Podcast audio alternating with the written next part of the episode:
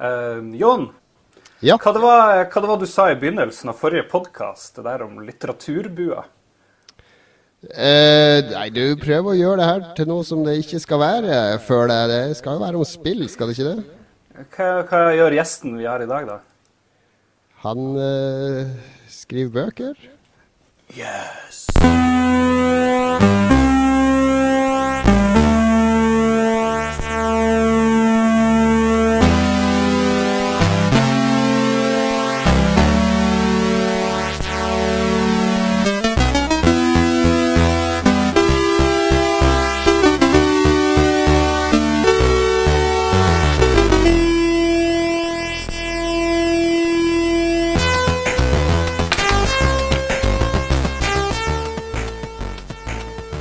Der var introsangen over, og vi er i gang med Lolbua episode fire.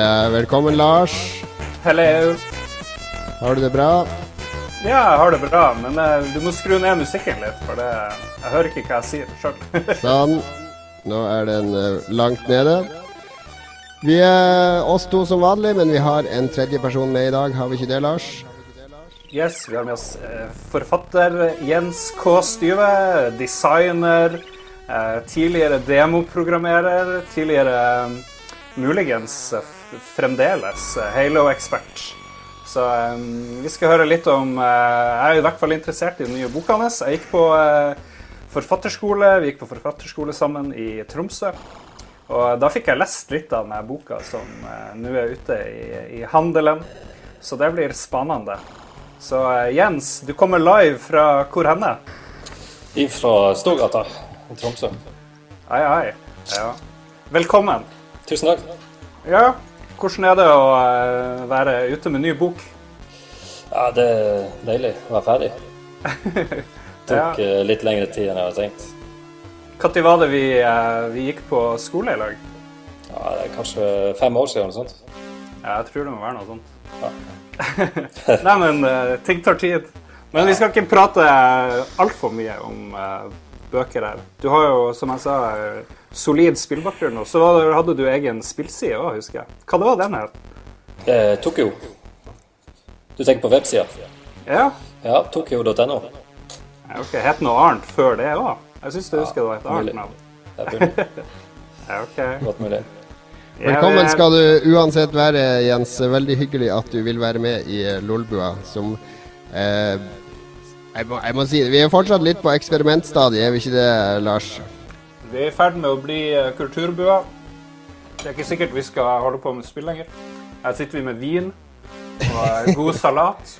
Du har eh, fina deg opp for eh, anledninga i dag, skjønner jeg. Ja, ja, ja. Den, den har fått gode kritikker. Det var en som eh, beskrev den Boka heter Frideland, da. Eh, Frideland var jo det som sto under alle de her eh, ringeklokkene. Husker du det, Jon? Ja, det husker jeg godt.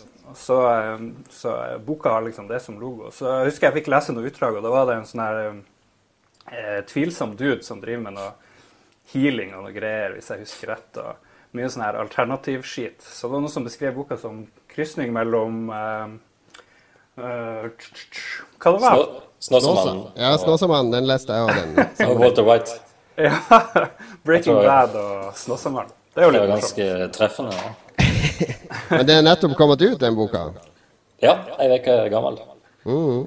Har det vært noe eh, storslått eh, lanseringsfest og eh, Har du Ja, blitt eh, faktisk.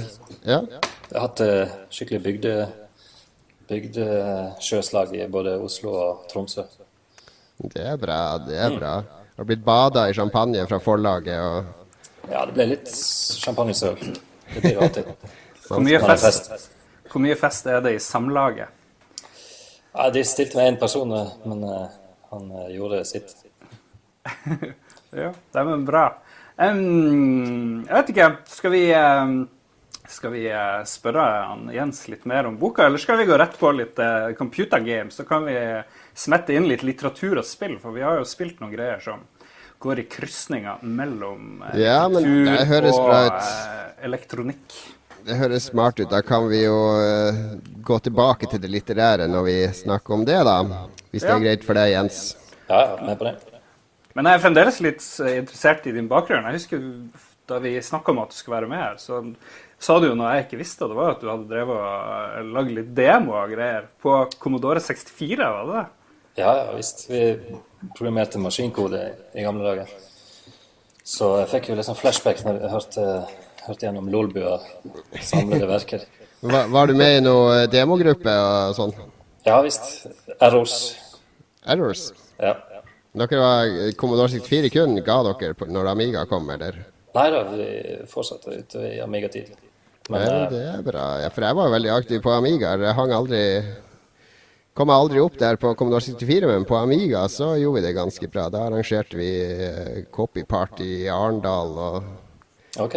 så, for jeg- var med i It, Ja, så bra. som var Litt Harstad-gruppa. mer, litt mer kjent enn Errors, tror jeg. Ja, vi var veldig produktive i ett år. Da var det sånn én demo i måneden. Og så hadde han ene klart å lage vektordemo og Bob-demo og alle de andre tingene som var veldig imponerende på den tida. Så vi hadde, hadde mye kontakter en stund. Ja, det var en fin tid. Eh, Jeg var jo på hjemme hos mamma en helg der når jeg hørte på Lolbua. Ja. Eh, Så jeg fikk skikkelig flashback og begynte å grave i gamle, gamle brev og sånt. Ja, ja, ja. Lars er jo eh, fortsatt veldig opptatt av den demoscenen som han prøver å gjenopplive. Men eh, den, den kampanjen kan vi høre om til neste år, hvordan det har gått. Ja, Jeg tror den, eh, den er nesten begrava allerede, men vi får se om det skjer noe. er prisverdig. Vet aldri hva som eh, kommer til å skje. Vi pleier å åpne med å snakke litt om hva vi har gjort i det siste, Lars. Skal du, eh, du har jo den kjedeligste Hva har vi gjort i det siste? For du har jo drevet og flytta nå i et år. Ja, det kjennes ut som et år. Så søskenbarnet mitt kommer på fredag, og da skal alt være klart. Og det er det jo selvfølgelig ikke. Så ja, nei, jeg har litt eh, angst. og eh, Dama, kjæresten min, hun driver og maler bilder som hun vil at jeg skal ta med nedover flyttelasset. Så hun bidrar ikke sinnssykt mye for tida. Så hun driver heller og styrer med oljekleddings. Det blir veldig fint, men eh, ja, jeg tror vi må Eh, Flytting er eh, noe herk. Det, det blir verre for hver gang. Ja, så de her spill, spillene jeg finner, og maskinene jeg finner, blir bare flere og flere. Så i ren desperasjon så tenkte jeg OK, jeg må bli kvitt noe spill, så jeg prøvde å legge ut 220 eh, 360-spill på sånne her lokale eh, kjøp-salg-greier til en billig penge. Men eh, jeg tror det er få som har 360 her. For det var Selv om jeg sla på, slang på eh, GTA 5 og Diablo og greier, så var det laber, laber interesse.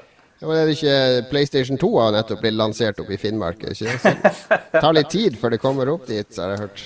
Jævla Oslo-dude. Nå ble vi jo eh, Nå fikk vi jo kritikk for å banne for mye, men det skal vi vel komme tilbake i eh, spørsmål fra lytterne-spalten. Det sparer vi til etterpå. Nei, men det er jo, eh, er jo bare å bli kvitt. Det hoper seg opp. Jeg kjenner til det. Ja, og i går var siste dag på jobben, og det var veldig fint. Rørende. Fikk konjakk og kake, så det var bra. Det er bra. Og er er du i ny jobb på mandag førstkommende? Nei, nest mandagen etter det. Ok, da har du litt tid på det. Ja. Ja, enn du da, Jens? Du, du har hørt på eh, Samlede Lolbua den siste Ja. uka? Ja, det. Det liker vi jo. A til Å. Det gikk fint, det. Very good. Ja. Så nå Har, har, du noe, har du noe tilbakemeldinger? Vi tar ris og ros med takk. Nei, jeg syns det klarer dere veldig bra. Det er proft, som eh, Jon Cato sa. Ingenting å sette eh, fingeren på. Vi har klart å lure de, Lars. Vi har klart det. Men du nevnte i sted at du hadde vært hjemme hos mammaen din og funnet noen gamle brev. Ja, jeg var hjemme i 80-årsdag, og så hørte på Lolbua. Mm. Og begynte å grave i gamle Commodore-ting. Så det lå alle brevene fra mine swappekompiser rundt i verden. Ja, fordi vi har jo noen unge lyttere som eh, Jeg tror ordet 'svappe' ikke har noe betydning for dem, men, men når vi, eh, vi var yngre, måten vi fikk tak i nye spill og demoer på, det var jo å sende de i posten til hverandre. Og du, du drev vel òg med swapping da, Jens, skjønner jeg? Ja, ja, utstrakt uh, swapping. Vi kopierte disketter og sendte i posten. Eh, Og så fikk du kjeft, da, for eh, ofte så hadde de jo allerede det som du sendte. Så heller du sendte til Singapore, så tok det kanskje et par uker med postgang. Så, så da kom det sånne sinte brev på gule Post-It-lapper. Det var veldig stress med å være aktuell, husker jeg. Og det var veldig kult når vi hadde ferdig en ny demo, så var det bare å kopiere den opp til alle de 100 kontaktene våre, og så spre den, og så spredde de den videre. Det var ganske fascinerende å se. Ja visst. Jeg sjekka faktisk eh, på YouTube. Det blir jo lagd Commodore 64-demoer fortsatt. Mm. Ja, ja. Det har jeg aldri tenkt på, men etter jeg snakket om det, så sjekker jeg det. Det er jo fascinerende. Det fortsatt, det er noen eh, helt sinnssyke demoer. De får ja. til ting nå som er De viser jo mye mer farger enn den der greia egentlig skal kunne ja, vise. hva. Jeg vet da farsken. Det, ja. Nei, det er bare å sjekke det. Folk må sjekke det. Søk på de nyeste 664-demoene. Eh, vi har en fremtidig gjest, Lars, som faktisk er veldig aktiv på den demoscenen. Han, uh, hans drømmehelg det er å ta med seg en Commodore 64 på hytta og så sitte der alene en hel helg og knekke noen nye barrierer. Han er med på en sånn demoparty uh, i Tyskland hvert år, der det bare er Commodore 64-konkurranse. Er det noen som med opprinnelse i utlandet, eller er det Nei, nei, han, er, han er fra Norge. Jeg tror han har jobba i Funcom før, men han er fast deltaker på quizen spillquizen vår. Ja, ok, Jeg trodde du mente um, dansken til forvennen Franke. Nei, nei, nei. Uh, her er en, en med lang fartstid. Ja vel. Ja vel. Ja, utrolig nok så var det jo Du kunne sitte et kvarter og se på en Commodore 64-demo fortsatt. det er like fascinerende. Det er det. Lese hele rulleteksten. Ja, De demoene er egentlig mer fascinerende enn en PC-demoer, sånn, fordi der er det ikke noen barrierer, på en måte. De, du er mye mer bevisst på de rammene du har på Commodore 64, og det imponerer mye mer. Yes, det var svepping og uh, lolbua og 80-årsdag. Høres ut som en hyggelig uke, det. Ja, bra det. Um, for min del har jeg hatt ekstremt aktiv uke. Jeg, har, uh, jeg var i Bergen, invitert av studentforeninga der borte forrige uke i en paneldebatt med, med Ragnar Tørnquist og, uh, og, uh, Rune Menzoni, som er professor i psykologi ved universitetet der. Det var om historiefortelling i spill. Og det var moro. Det var rundt 100 studenter og hørte på altså. og ganske sånn lav takhøyde. Og Ragnar Tørnquist er jo uh, han er jo utdanna innen film, da. Han gikk på filmskole i New York, så han lager jo veldig sånn filmatiske, eh, manusdrevne eventyrspill. Det er jo det han liker best. Så det var, var, et artig besøk. Ja, jeg tror det første var han der Tørnquist på eh, VGTV. Så jeg ble helt eh, Han har liksom lagt beslag på det navnet, men eh, ja, selvfølgelig. Det er jo drømmefall og eh, Ja, Reinar er vel den mest profilerte in, utvikleren vi har i Norge nå, i hvert fall internasjonalt. Han har jo et stort navn i Tyskland og Polen og andre eventyrglade land. Han er ikke jævlig deppa siden han har eh, Alle spillene han har lagd de siste ti årene, har blitt eh, gjort firmaet hans konkurs. Nei, jeg tror han er veldig glad for at han eh, ikke trenger å lage MMO-spill lenger. Altså, De spillene han likte å lage, var jo Lengst reisen og Drømmefall. Mm. Og Anarchy Online, for så vidt, når det var nytt og ungt. Men det, det, han gikk jo ut av Funcom for et år siden, starta sitt eget studio, og nå er det vel en 15 stykk som sitter der og lager nytt Drømmefall. Og det virker i hvert fall som han har det som plommen i egget. Hadde han noe smart å si, da? Ja, han har jo en del sterke meninger. Disse George Lucas og Steven Spielberg litt, som hadde litt utdaterte oppfatninger av hva historiefortelling kan være sammen med interaktivitet. Uh, men samtidig så er jeg jo litt uenig med han i det der. Jeg mener jo at de beste historiene i spill de oppstår jo mellom spilleren og spillsystemet. Altså det du husker best i GTA 5, er jo gjerne de situasjonene som oppstår der du så vidt unnslipper, eller, eller i Skyrim f.eks. Jeg husker jo ingenting av historien i Skyrim, men jeg husker jo masse enkeltepisoder som er generert av spillsystemer med sammen. Mm. Men, uh, men, han mener at det ikke regnes som uh, en historie, det er bare episoder som oppstår. Ja, men er det forskjell på historier og eh, følelser, på et vis? Jeg tenker Journey og også GTA, det gir jo veldig spesielle. eller sånn gir veldig sterkt engasjement på et vis, eh, selv om det ikke er noe historie der egentlig. Og så En historie er Skal vi definere det eh, Man kan kanskje skille mellom historie som du lager sjøl i møte med spillsystemet, og historie som er fortalt av, eh, av spillskaperne, kanskje. Det kan jo være en ja, men, men. Journey er jo òg en ganske velregissert historie, bare at det er ikke noe ord eller bokstaver. Men det er jo veldig klare Du går jo fra område til område, og du tolker det jo sånn som du sjøl vil, men det er jo lagt føringer på hva du skal oppleve. Så at det er ikke et åpent system der du genererer eh, episodene sjøl, på en måte. Så det er jo, det er jo historiefortelling, det òg. Men det er mye mer elegant historiefortelling enn å se på en uh, cutscene. Eller trykke på A når det blinker A på skjermen. Mm, ja, jeg vet ikke. Ja, ja. Kanskje man skal kalle det uttalt, eller jeg vet ikke. Eh, hvis man har replikker, kanskje, og, og ikke replikker. Jeg vet ikke. Det er mye spennende som man kan sikkert se på der. Jeg tenker Heavy Rain, som jo var en veldig Ja. eksplisitt historie med eksplisitte mål og veldig sterke følelser, som, som jeg husker veldig godt. Og der var det jo Alt var jo stramt regissert, egentlig, men det er jo en av mine store opplevelser. Jo da.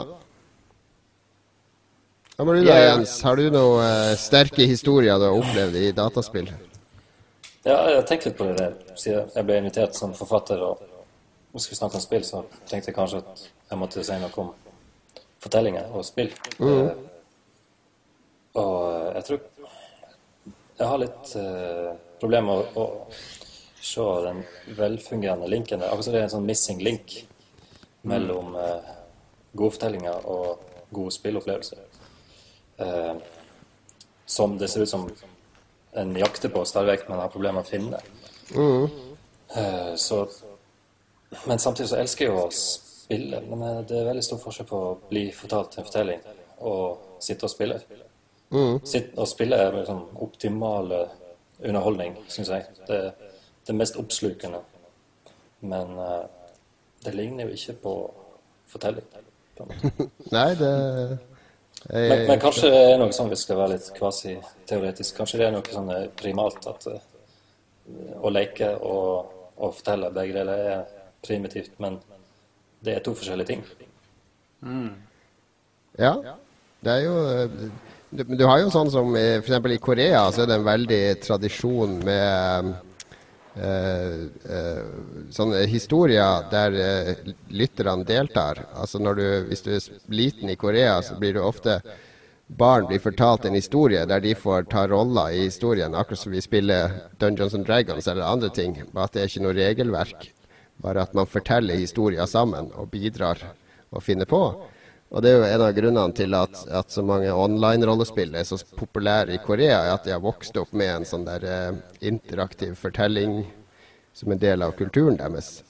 Eh, så det, det er jo en del uklare skillelinjer, mener jeg. Ja. Det er sikkert noen som har forska mye på det her, så eh, Eller mye og mye, men det har jo blitt etter hvert folk i Sitter de ikke i Bergen og her og der og, og De skrive sine, sine doktorgrader om ditt og datt. Så jeg vet ikke. Må prøve å, å finne takene og lese. Jeg vet ikke. Det finnes sikkert noe interessant, men det, det, det trenger ikke styre vår eh, tenking. Men, eh, men Nei, det.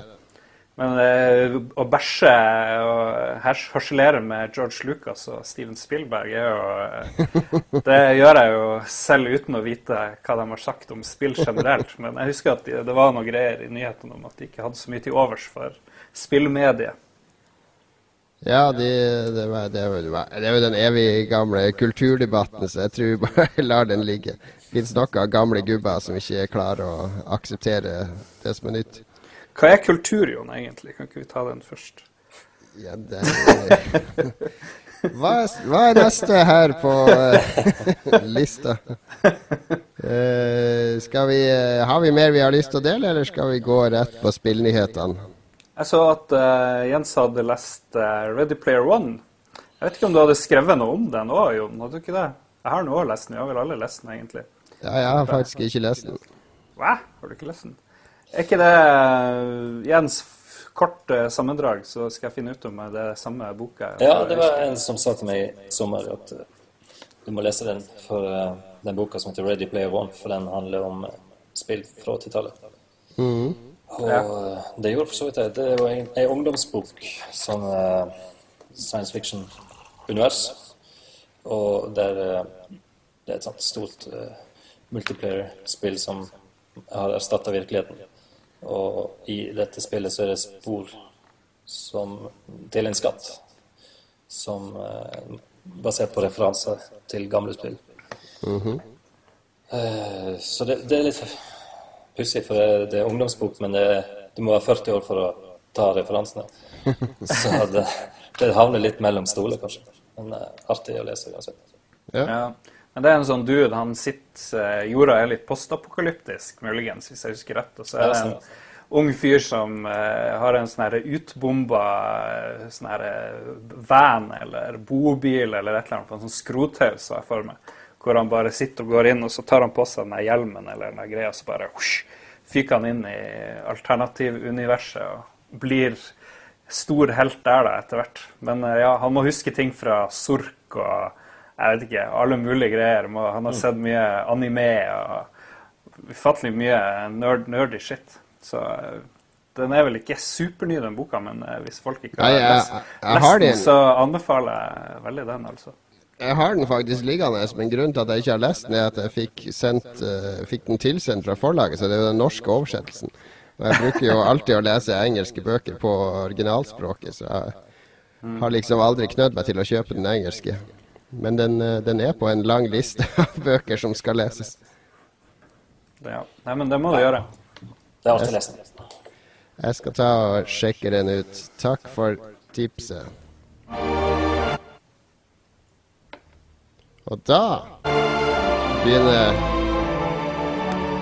nyhetene. Vi hadde, vi hadde ikke så mange nyheter i dag, hadde vi det, Lars? Nei, det har ikke skjedd noe på James Pond-fronten, så jeg har ingenting. Jens, følger du med på spillnyheter? Jeg gjorde jo det mer for et par år siden, når vi hadde den bloggen. Ja. Så datt litt av lasset der. Litt.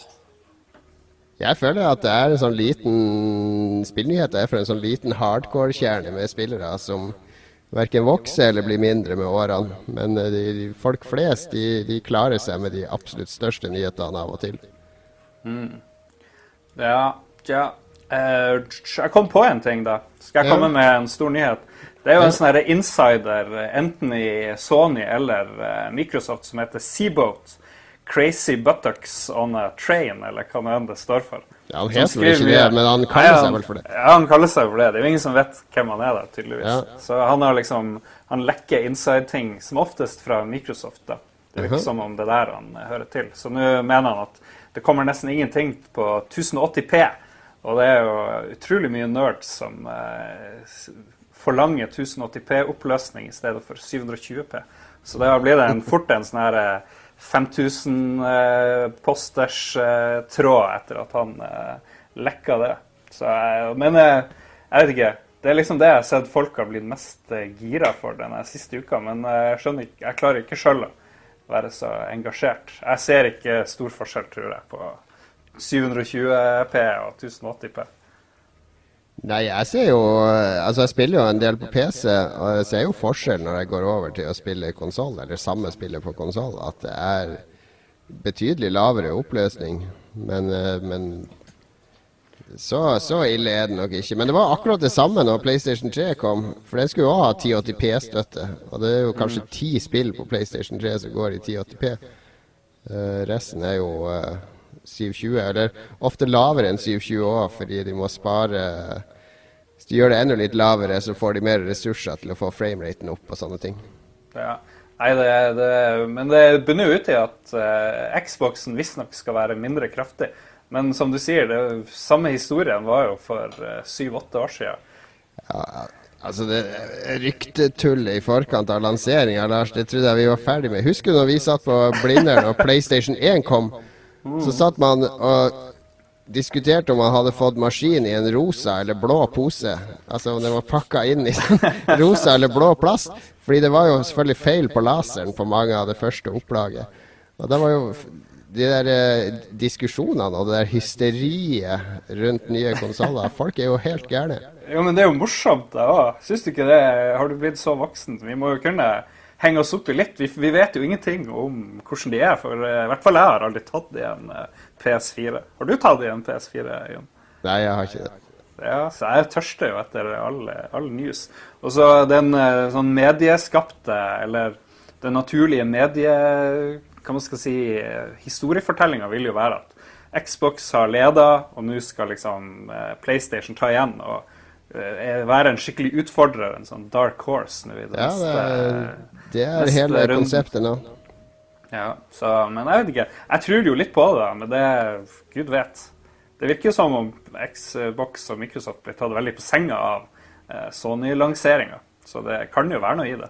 De har hatt en veldig hodeløs uh, utvikling, tror jeg, av den konsollen. Men du da, Jens. Du er jo gammel Halo-ekspert, har jeg hørt. Du venter vel på Xbox One og dropper PS4? Eller dropper du begge? Uh, jeg tipper det blir Xbox, da. Mm -hmm. Jeg hadde PlayStation 2. Etter det så ble det Xbox. Mm. Hvorfor, blir det, hvorfor blir det Xbox, da? Bare gammel vane, eller? Ja, det er kanskje mest det. Og Halo, kanskje. Kombinasjon. Likte du Halo 4, forresten? Har du spilt det? Eh, ja. Jo da. Det er bra. Det er sånn Halo-positivist. ja, det, det, var jo det var nesten sånn Best of-spill, der du bare fikk eh, alle de Halo-situasjonene i ett og samme spill. Ja, Syns det var utrolig kjedelig, jeg, da, men ja. ja. Det er mange som syns. Jeg, jeg syns at det sleit med å føre serien videre. fordi ofte når et nytt studio tar over en serie, spesielt en populær serie, så blir de veldig opptatt av å bevise at de klarer det like bra som de andre. I dette tilfellet var det 343 Studio som må klare det like bra som Bungie. Og det gjorde de jo for så vidt, men samtidig så tør de jo ikke å eksperimentere for mye med grunnformelen. Sånn at det blir litt sånn forutsigbart og det mangla det der uh, lille ekstra som kanskje Bungie torde å eksperimentere med når de lagde Halo-spill. Men uh, nå har de bevist det, så til Halo 5, eller hva neste skal kalles, så, så kan jo alt skje. Ja. det er greit. Det er greit, Lars. Vi tar en ny nyhet. spill i teatret. Har du hørt om det her, Jens? nei. Det er en Oslo-utvikler som heter Megapop Games, som består av gamle Funcom-folk som slutta for et år siden. De har, uh, så vidt jeg har skjønt, så har de uh, sammen med et Oslo-teater satt opp en svær skjerm, en bakgrunn, for et Pippi-stykke, som de da kjører i real time med sånne spillfigurer, altså av apa til Pippi og hesten, som kommer inn, og som blir kontrollert av en fra studio bak der. Så skuespillerne kan liksom snakke med interaktive figurer på den skjermen som blir styrt bak. Så de bruker på en måte spillteknologi til å kontrollere eh, et teaterstykke og, og, digitale aktører i stykket. Skal du dra og se det, da? Nei, jeg tror det varer bare en uke. Også... Du må ta med deg barna og kikke. Ja, jeg har ikke kom, kom, veldig brått på, for jeg tror det er denne uka her. Så vi får se om det blir noen forlengelse av det. Men det var, det var en artikkel om det både i Aftenposten og i Dagbladet. Og jeg syns det er en morsom eh, måte å bruke spillteknologi på utover det vanlige feltet. Er det 1080P? det, det, er sikkert en PC de kjører på, så jeg vil tro det er veldig Jeg vil ha 1080P! Publikum eh, krever nok det, de òg. Men det høres, jo, høres ut som de kan gå litt i samme felle som uh, historiefortelling versus spill. At uh, denne spillkulturformen uh, er vanskelig å få grep på. Vanskelig å, å flette sammen med dette andre. Ja, men her blir det jo mest bare brukt som et verktøy i bakgrunnen for å Altså bytte ut de tre kulissene med bevegelige datagrafikk. Det er bare tante fjas? Ja, det er vel eh, det er jo ikke, Du sitter jo ikke og ser på et spill. Og du er jo ikke med å kontrollere det. Det er jo bare noen bak som kontrollerer det. Men uh, jeg syns det er morsomt at et spillstudio kan få inntekt av å gjøre det. Fordi det er jo det de fleste spillstudioene i Norge sliter med, er jo å tjene penger. De, uh, enkelte av de lager reklamespill som de da får litt penger for, som de da kan bruke til å prøve å lage de spillene de har lyst til å lage. Mens alle andre har jo veldig problemer med å få inntekter. Jeg hørte at det er David Cage som regisserer det her. David Cage som regisserer Pippi? Da blir, det, da blir det sånn dusjscene med Pippi, da, Lars. For han har jo dusjscener med alle de kvinnelige hovedpersonene i spillene sine. Det er jo en naturlig fortsettelse. Først lager vi spill hvor man ikke kan gjøre noe som helst, og så bare lager vi teater hvor man bare må sitte og se på. Nei, jeg er glad i David Cage. Jeg bare tuller. Det er jo veldig bra at noen prøver det. Det, jo, det syns jeg jo han burde få veldig veldig skryt for. Ja. Har du spilt noen av de her greiene, da, Jens? De her eh, Heavy Rain og Beyond Two Souls, som jo er sånne her eh, filmer gjort om til spill på et vis? Nei, jeg har ikke det. Selv om jeg egentlig er interessert, så, så har ikke ja. fått anledning. Han har ikke PlayStation 3. Nei, det er riktig det. Og Microsoft sa jo nei til uh, Heavy Rain fordi de ville ikke ha et spill der barn ble kidnappa og torturert. Veldig rart. Så yes. Nei, men det var vel det vi hadde for denne gangen. Jeg vil høre den der uh, nyhetsjinglen en gang til. Jeg elsker den. Jeg har en sånn nyhetsavslutningsjingle som kommer nå.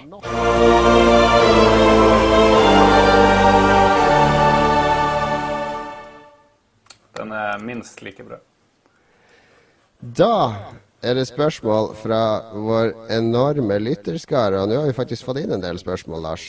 Juhu! Det er jo genialt. Eh, vi skulle jo, eh, skulle jo hatt eh, enda flere, men nå har vi faktisk én, to, tre, fire i hvert fall tilbakemeldinger.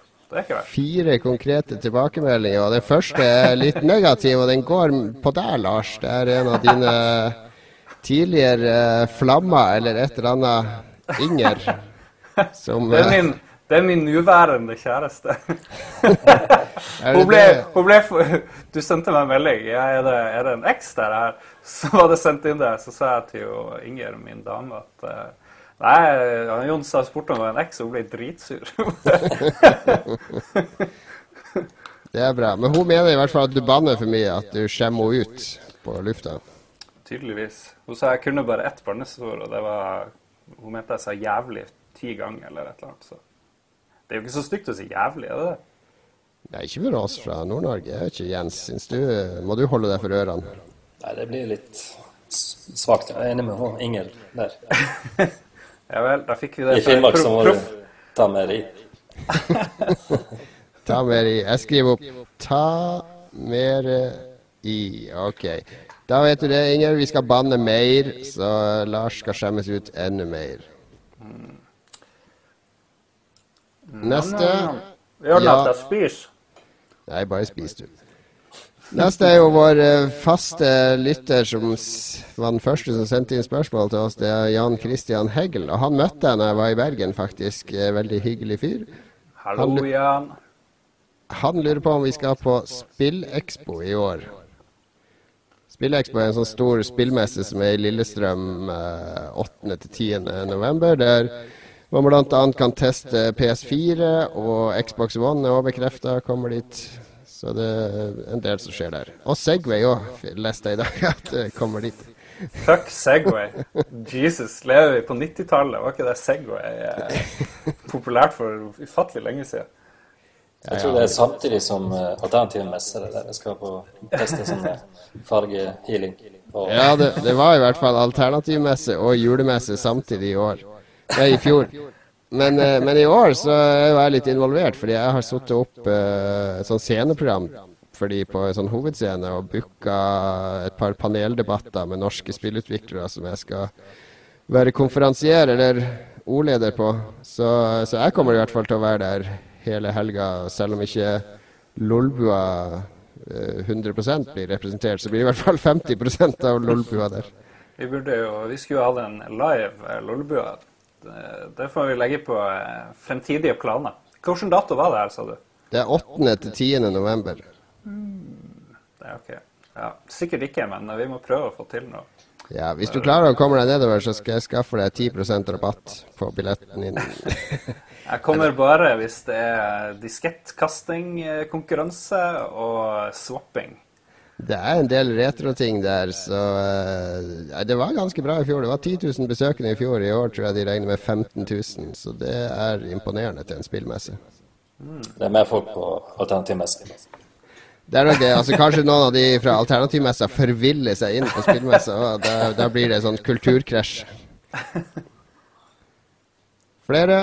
Thomas Heger. Eh, han er nordlending. Utflytta nordlending. Bor her i Oslo. Har to barn og lurer derfor på hvordan fungerer samliv, parentes kone, barn, familie med en over middels stor spillhobby? Vi kan jo ta det med de som spiller minst, tipper jeg. Vi kan jo først begynne med Jens, kanskje. Ja, For du har barn, Jens? Ja, tre stykk. Uh. Ja, det er jo et eksempel på at det er vanskelig. Ja. Får ikke spilt så mye som jeg skulle ønske. Hvor mye Men, blir det? Ja, kanskje ett til to sånne storspill i året. Ett til to? Må jeg jo unne meg. ja. Så det blir ikke én gang i uka, kanskje en gang i måneden nesten? Jeg har faktisk eh, Xbox på kontoret òg, så det hender at jeg må gå og gjøre litt kveldsarbeid. jeg kjenner ja, en god løsning. da, tips til alle. Ta med Xbox på jobb.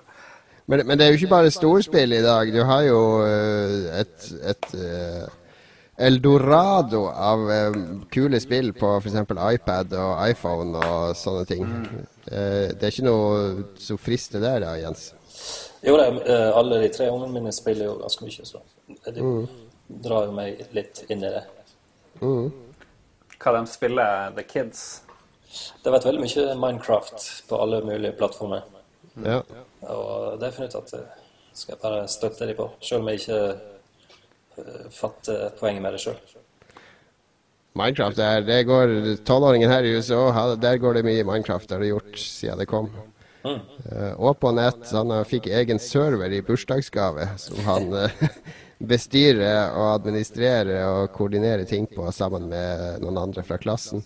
Ja, det er fint. Så jeg kan jo ikke annet enn å si at det er kanskje det mest pedagogiske spillet for barn under tolv år, fordi at de må finne ut av så mye sjøl. Ikke bare spillereglene i spillet, men, uh, men, alt mulig annet. Spesielt hvis de skal ut og spille på nett. Det er ekstremt mye han har lært fra det spillet. Jeg gikk forbi uh, skrivebordet til eldste sønnen min, og det lå en liten lapp med et stykke javascript-kode. Ja, nettopp. Da ble jeg nesten litt rørt. det er vakkert. Mm. er kult. Det, det, er sant. Nei, for min del så jukser jeg jo litt, fordi at jeg, siden det er jobben min, så kan jeg sende ungene i barnehage og på skole og kona på jobb, og så kan jeg sitte hjemme og spille fordi at jeg må anmelde et spill. Så jeg kan gjøre det i arbeidstida, men uh, jeg merker jo at det å spille de store tidkrevende spill på fritida er jo ikke så aktuelt lenger som det en gang var. Så jeg, jeg sitter, sitter, litt med iPad og telefon og sånn om kveldene når jeg bare skal slappe av. Det er sånn tiltak også å spille de store spillene. Det er sånn du vet at når du skal sette deg ned med det spillet, så må du nesten sitte i to-tre timer for å få litt utbytte av den omgangen. Det er ikke sånn kvarter her eller halvtime her.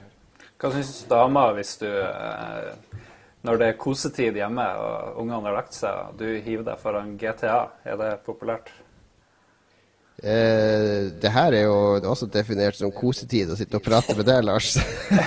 så, det, så det, det, går nok under det samme. Nei, men du har forståelse for det, fordi jeg spiller Hvis jeg skal spille sånn ren fritidsspilling, som jeg ikke gjør så veldig ofte, så er det hvis hun er ute. Ellers så får jeg jo gjort det i arbeidstida, så jeg er jo egentlig inhabil til å svare på det spørsmålet. Men det handler jo, når du blir voksen og far og får kjæreste og forpliktelser og alt mulig sånn, så forsvinner jo fritida. Og enten du er opptatt av spill, eller hvis du, var, hvis du leste fem bøker i uka når du var ung, eller så film, TV-serier, alt mulig. Alt, all den tida reduseres jo uansett hva du hadde som hobby, så blir det mindre tid til det når du blir voksen og får barn. Så det er bare det at spill er mye mer tidkrevende enn mye annet. Så det merkes kanskje bedre ja. på det. Du skal jo redde verden ofte i disse spillene, så det er jo, det er en jobb, det. Hvis det først har begynt, så må de bare sørge for å rydde opp. Et godt triks er jo å finne ei dame som liker dataspill. Det er, det er jo ikke alle som gjør det. og Jeg har jo hatt litt forskjellige kjærester, men eh, annet noen som bare hata spill og mente at det var det verste på jord. Så, men eh, Ingrid Emilie, som jeg er i lag med nå, hun er mer positivt innstilt. Og hun liker faktisk å se på når jeg sitter og spiller av og til. Jeg vet ikke om hun egentlig mener det, men hun sier nå det. Og det er, det er, jo litt koselig. Men jeg tror jo, jeg driver jo sjøl og ser på sånn PewDiePie av og til, og de her eh, Let's Play-folkene på nett. Det er, jo noe, det er jo et eller annet i det der å sitte og se folk spille og følge med på det. Så jeg kan jo godt skjønne at hun syns det er OK. Vi spiller faktisk GTA ofte, guttegjeng. Det er merkelig nok ganske sosialt spill. For um, du tar en del valg under sterkt press her, og da avslører du litt hvem ja. det egentlig er. Det kan være veldig underholdende. Mm. Ja. Nei, så vårt råd til Thomas, det er uh, Finn den tida. Bli singel. For, den singel. Ta den tida du trenger, gjør forpliktelsene uh, som må til, og uh, spill det du klarer. Og jeg kjenner Thomas, jeg vet at ungene dine er veldig små fortsatt. Slapp av, det blir lettere når de blir eldre. Du får litt mer tid. Du må skille deg, Thomas. Det er eneste. Sist, siste ut er Cato Hagen, som lurer på hva vi tenker om Oculus Rift, Cast AR og Illumi Room. Det er jo ekstremt mye på en gang å svare på, da. Ja, men uh, jeg vet hva det første to er, men jeg vet ikke hva Illumiroom er. Er det Microsoft har, hvor liksom hele rommet blir ja, jo, en svær er, skjerm altså, på et vis? Oculus Rift er jo det virtual reality-headsetet uh, som er heldekkende. Cast AR er jo et sett med briller som også har en skjerm i brillen, sånn at selv om du ser på vår virkelige verden, så kan det dukke opp virtuelle ting foran deg den dekker ikke hele trynet ditt. Du ser hvordan ting er, men så dukker det opp ting. Ja, sånn augmented reality kalles det. Det dukker opp eh, datagrafikk i den virkelige verden. da. Og Illumerium er der Microsoft-greia der med at det kommer lys og effekter ut på veggene og rundt TV-skjermen. Ja, det siste virker kult, men veldig slitsomt å skulle ha en sånn prosjektor. Eh, i stua hele tida. Jeg vil jo ha minst mulig bullshit i stua mi, men for noen så er det jo sikkert bra. Det ser jo helt crazy ut, men eh, det er litt sånn for de som allerede har prosjektor og, og den ting, tenker jeg. Mm. Nei, jeg har ikke så mye Altså, Illumerium og Cast AR, de Begge de to er jo ikke noe Det er jo gimmicks, på en måte. Altså, det er noe som bare pynte på det som allerede eksisterer. Jeg tror ikke det er sånn augmented reality-spill kommer til å bli ta over for noe som helst. Mens Oculus Rift det har jo veldig potensial, det har jeg prøvd sjøl. Jeg ble kvalm og måtte legge meg nedpå en time etter en halvtime inn i de her brillene. Og det blir faktisk de fleste som prøver de. Uh, som jo kan være et gedigent problem for hele teknologien. Men, men det, det, det, er veldig uh, fantastisk følelse når du står der, fordi du har en tilstedeværelse inni den der virtuelle verden som jeg aldri har hatt når jeg har sittet foran en vanlig skjerm. Fordi du, du, du, alt annet er stengt ute, så du hører bare lydene fra den verden og ser bare den verden. Og når du beveger hodet ditt, så, så er jo alt der. Så jeg følte at jeg var der, på en måte. Mm, jeg har ikke prøvd noen av dem, men jeg er sikker på at du hadde vært like skeptisk til Oculus Rift som du er til Cast AR før du prøvde det. I hvert fall hvis du ikke hadde hørt alle de Det var jo, veldig mye skeptisk, Jeg var skeptisk, men jeg, jeg, tror heller ikke at fremtida er Oculus Rift. Fordi jeg tror det blir for mye styr å drive og ta på. Altså Når du kommer sliten og kommer hjem fra jobb, så vil du jo bare legge deg eller sette deg på sofaen og skyte litt i Halo. Du vil ikke ta på deg noen briller og reise deg opp og så stå oppreist og peke med lekegevær ute i rommet og jogge på en tredemølle og sånne ting. Det er jo det, det blir som sånn ratt- og pedalsett til bilspill. Det, det har jeg òg hatt hjemme. og Så bruker du det to ganger, og så neste gang du skal kjøre, så ja, men jeg skal bare kjøre et kvarter. Jeg styrer bare med spaken. og så... Hva det, betyr det at du ikke bruker ditt WeFit-brett lenger? Ja, Det har jeg børsta støv av nå, for nå får jeg jo WeFit U straks.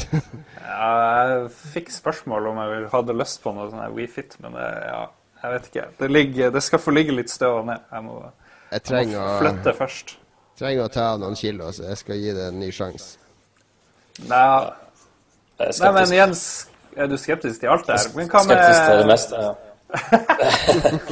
det, er sånn, det er masse dildoer som de skal lage av hardware, men eh, spillet er jo egentlig ganske enkelt. Og du ser jo det på unger helt ned til to år, at eh, de gamle tingene fenger omtrent like bra eller bedre som disse nye greiene. Jeg er helt enig med Jon Cato der. Ja, og, og Minecraft, som jo er kjempeenkelt sånn både teknologimessig og visuelt. Det fenger jo mye bedre enn de mest lekre Disney-barnespill, ikke sant?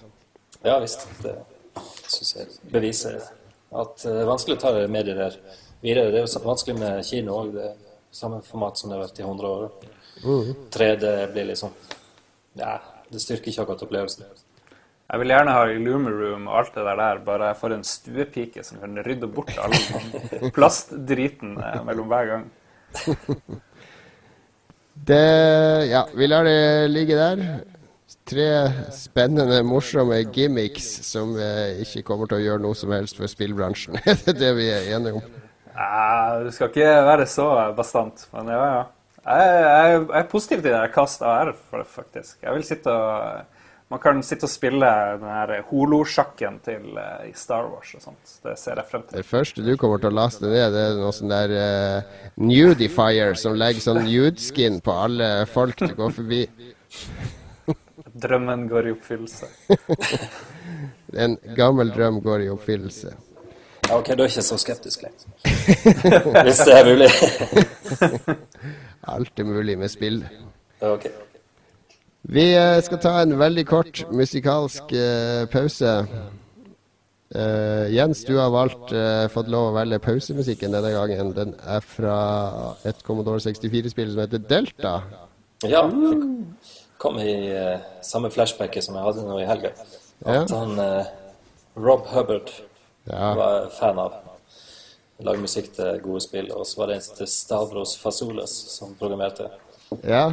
Delta, blant annet. De to var sånn eh, tospann, tror jeg. Det kan bli hard konkurranse i quizen i dag, tror jeg. Ja, det, Stavros lagde vel, eh, lagde vel tre spill, og eh, Hubbard lagde jo musikk til alle de, de spillene. Eller han lagde noe etterpå, men uh, det var Kudex og Sengsion og Delta var jo de tre som de samarbeida på. De bodde jo Stavros Fasolas bodde jo faktisk i samme hus som Sensible Software, og to stykker som jobba i SAP 64, de delte et hus i lag i et halvt år. Og det var sånn smeltedigel av kreativitet der alle spillutviklerne i, eh, i Storbritannia var innom. Jeff Minter og Tony Crofter og alle sammen kom og hang der. Så eh, Kanskje ikke blir så spennende på quizen i kveld. Jeg tenkte det samme. Det skyldes, det skyldes utelukkende at uh, denne uka, det glemte jeg å si i sted, men denne uka så fikk jeg en bok som jeg har vært med og kickstarter-finansiert, som er historien til Sensible Software. Skrevet av uh, Gary Penn fra ZEP 64. Og det, det, var, det var der jeg fikk alle de historiene fra. Så det, det er kun fordi jeg leste i den boka tidligere i dag. Det der kollektivet det hørtes jo veldig likt ut. Det kollektivet vårt i eh, Lørenskog. Det er litt det samme kreative miljøet som møttes. Alle de store i Oslo var innom der i, ja, rundt 2000-tallet, vil jeg si. Ja, du kan uh, Er du det, ble, det ble vel ikke skapt så mye i det huset der. Før vi flytta inn, tror jeg det ble skapt mye. Det var mer konsum, konsum kanskje. Det var ganske nedslitt var Et enormt konsum av rom, rom og Tequila var det det meste gikk i der. Vi, eh, vi hører på intro- eller tittelskjermsangen til Delta, en kort trudelutt som egentlig demonstrerer alt som eh, Rob Hubbard var flink til på Commodore 64. Og så er vi tilbake om eh, litt over ett minutt.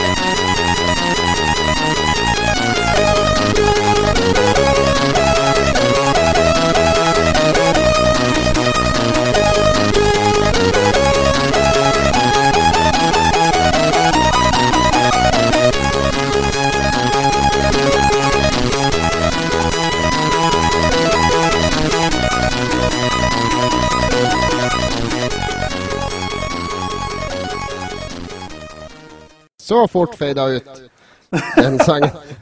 Elendig. Den er 1.13, den er 1.13, og så bare forsvinner lyden. Det er bra musikk.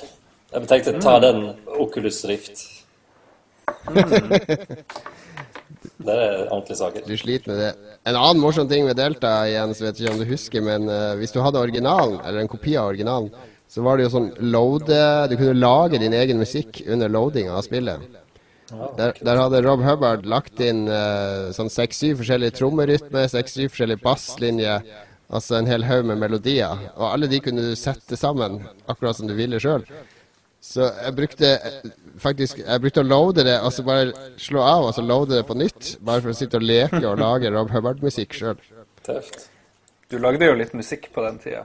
Eller ikke på den tida, kanskje, men Ja, på på Amiga-tida. Ja, på Amigaen. Det kan vi spare til et fremtidig program, Lars. Vi må, vi må spille Jompasangen og litt forskjellig, tror jeg. Skal, kan ha en sånn slagerparade i et program. Det er nå eh, vi skal snakke om eh, hva vi har spilt i det siste. Og da pleier jo eh, vår kjære gjest å få åpne, Jens. Har du fått tid å spille et av de to spillene du, du spiller i året? Ja, i år så ble det Far Cry 3 og GTA 5. Så, så, men jeg koste meg skikkelig med Far Cry 3, merkelig nok. Uh, Syns jeg er skikkelig vellykka sandkassespill. Kanskje i større grad enn GTA 5. Og Som eh, en brannfakkel. Ja, en liten brannfakkel. Jeg, jeg rundt i skogen og, følge meg litt som eh, Moland eller French. Syns det er dødsgøy. Stoppe, stoppe bilen og eh, pepre Ja, ja, jeg syns det er herlig. Ja, jeg det det, kombinerer litt den her eh, post-apokalypsen som jeg liker ofte i spill, og, og eh, ja, GTA-universet. Det er for mye å gjøre der, på et vis. Jeg får, jeg får sånn angst når jeg setter i gang Far Cry 3, for det er altfor stort. Og så er det for mye jungel, så jeg går meg jo bort. Jeg må liksom eh, Ja, jeg klarer liksom ikke å orientere meg. Og jeg tror jeg har litt sånne eh, autistiske trekk når jeg driver og spiller, for jeg må ha liksom 100% kontroll når jeg skal gå igjennom. Så sånne spill, det bare slutter jeg fort, på et vis. Ja, nei, jeg storkoste meg òg når jeg spilte Far Cry 3 i fjor. Det klarer å lage en verden som føles helt åpen òg. Altså, ofte sånne åpne verdener føles veldig tomme og sånn, mens, mens her så er det litt som vi snakka om i sted, sånn eh, at spillet skaper historiene. At du kan liksom Du ser noen fiender, så skal du luske deg bort, og så sniper de fra en ås. Og så idet du ligger der og sikter på de, husker jeg skjedde med meg, så plutselig så kommer det en tiger og angriper han ene. Altså blir det det kaoset der nede. Altså, Altså det, er en- det er et sånn veldig dynamisk system som skaper minneverdige situasjoner hele tida. Det var det som imponerte meg mest med det, og at du kan slå på og så bestemmer deg bare ok, jeg skal, hva har jeg lyst til å gjøre nå. Jo, jeg kan ta et radiotårn, eller jeg kan prøve å infiltrere den basen og overvinne den, eller jeg kan gå og jakte det sånn at jeg får bedre væske. At du kan spille det i små porsjoner. Bare gjøre en liten ting i en halvtime, og så forlate spillet. Så jeg, jeg syns det funka kjempebra. Enig. Et av mine favorittspill fra i fjor. Har du runda det, Jens? Nei, det er langt ifra. Jeg bare tar meg god tid og, og roter meg vekk nesten hver gang. Men hvordan kan du si at det er bedre enn GTA5? Det er jo eh, blasfemi. Det må, Nei, nei, jeg tror ikke jeg sa det, eh, men jeg sa jeg koser meg mer med det enn med GTA 5. Ok, ja, men det er jo det samme. Jeg tror det redder meg ut.